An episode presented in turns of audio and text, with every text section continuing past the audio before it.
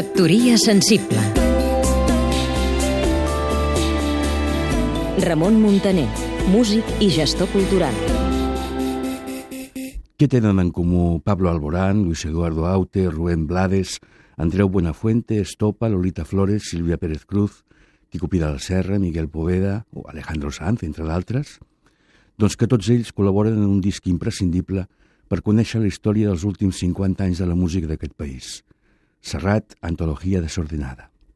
Un disc en el que, com ell mateix diu, retorna les cançons des del present i amb la veu d'ara, per cert, esplèndida, en la manera de tornar a dir alguna de les seves més antigues cançons. No us podeu perdre la recreació que fa de la tieta. Un treball on aprofita per agrair a tots aquells companys que l'han ajudat a fer aquest camí i a mantenir la il·lusió en aquest ofici d'escriure cançons i cantar-les.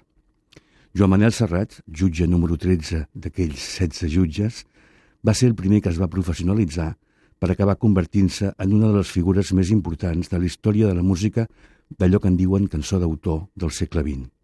Un recorregut de 50 anys, a més de 600 cançons escrites, desenes de discos editats i milers d'actuacions arreu del món, cosa que molt pocs artistes a nivell mundial poden dir, avalen una carrera intensa i plena de referències que s'han convertit en banda sonora de la vida de molta gent de molts països diferents.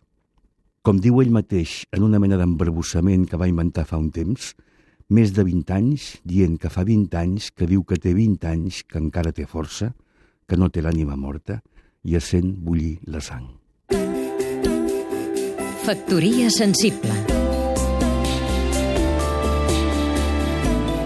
Seguim-nos també a catradio.cat